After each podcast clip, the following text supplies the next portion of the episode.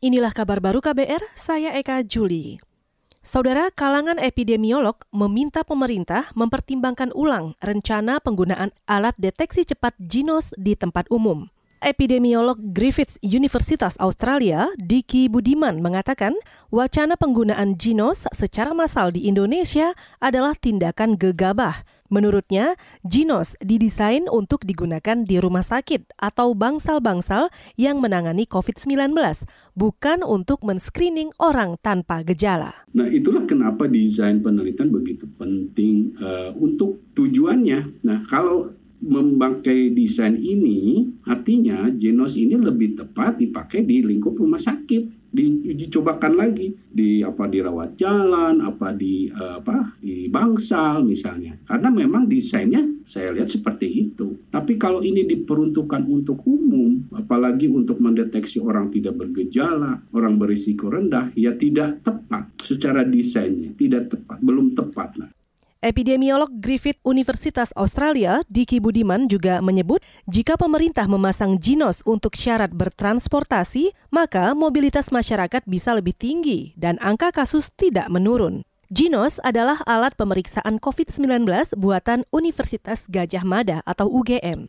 Alat ini bekerja dengan cara mendeteksi virus melalui embusan napas.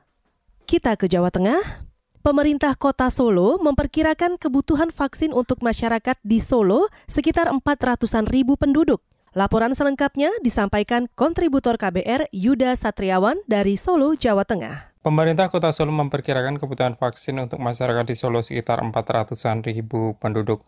Wali Kota Solo Adi Rudiatmo mengatakan kalkulasi tersebut berdasarkan rentang usia penerima vaksin, yaitu berusia 18 hingga 59 tahun.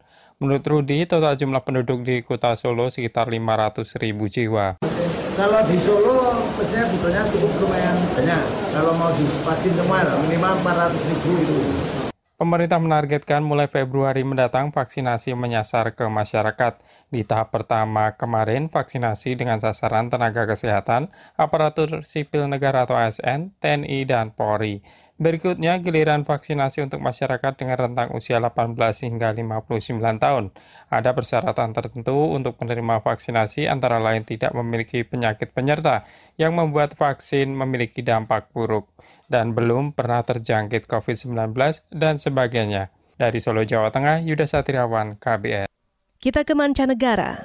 Presiden Amerika Serikat Joe Biden kembali membatalkan kebijakan mantan Presiden Donald Trump. Kali ini, kebijakan yang dibatalkan terkait aborsi. Dikutip dari CNN, Biden mencabut larangan uang bantuan Amerika Serikat untuk konseling aborsi di luar negeri. Itu artinya, Biden membolehkan pendanaan untuk aborsi di tingkat internasional. Biden memang dikenal dengan tokoh yang pro-aborsi. Dia mendukung undang-undang hak aborsi. Pada saat kampanye lalu, Biden berjanji untuk memperlakukan undang-undang yang membuat hak aborsi menjadi hukum di negara itu. Undang-undang tersebut mengacu pada keputusan penting dari Mahkamah Agung Amerika Serikat pada 1973, di mana pengadilan memutuskan Konstitusi Amerika Serikat melindungi kebebasan wanita hamil untuk memilih melakukan aborsi tanpa batasan pemerintah yang berlebihan. Saudara demikian kabar baru, saya Eka Juli.